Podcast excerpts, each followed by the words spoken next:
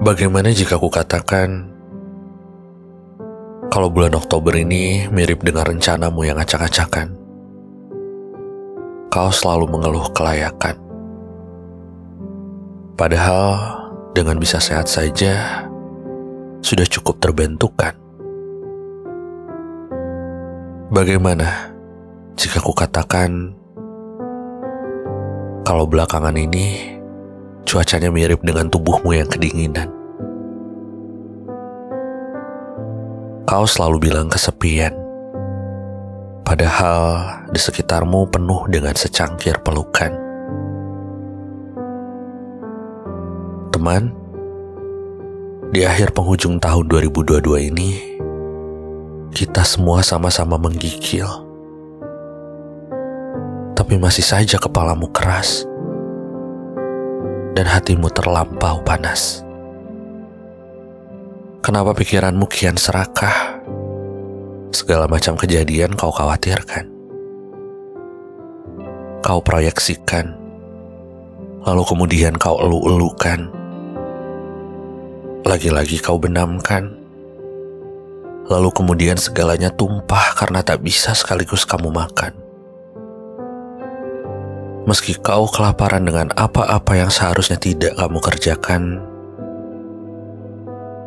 kau ingin punya ini, ingin punya itu, tapi porsinya kebanyakan.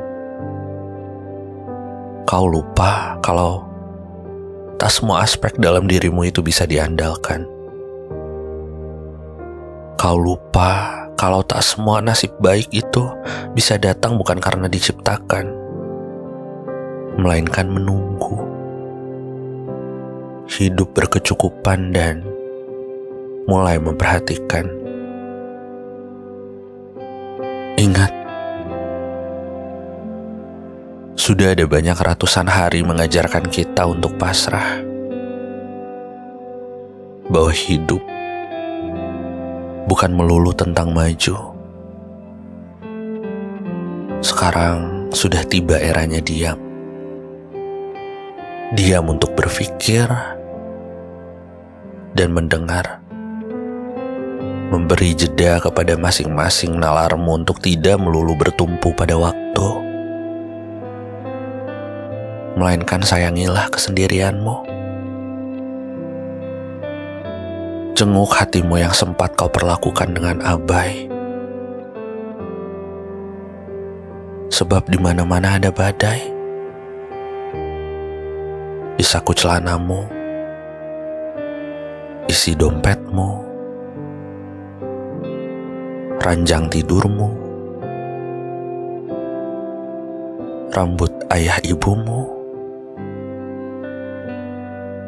atau juga dikunci motor tuamu.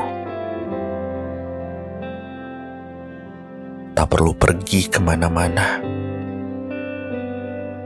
sebab tidak ada ketenangan di luar sana.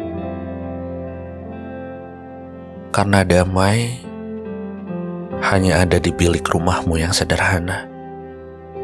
Di sini, di atas lantai tempat kau menghina hidupmu tadi, sedang tercecer banyak cinta maka pungutlah, rapihkanlah, dan doakanlah. Setelah itu, simpan baik-baik dalam hati. Siapkan bekal yang penuh dengan simpati, karena kamu masih punya banyak besok dengan segudang agenda patah hati.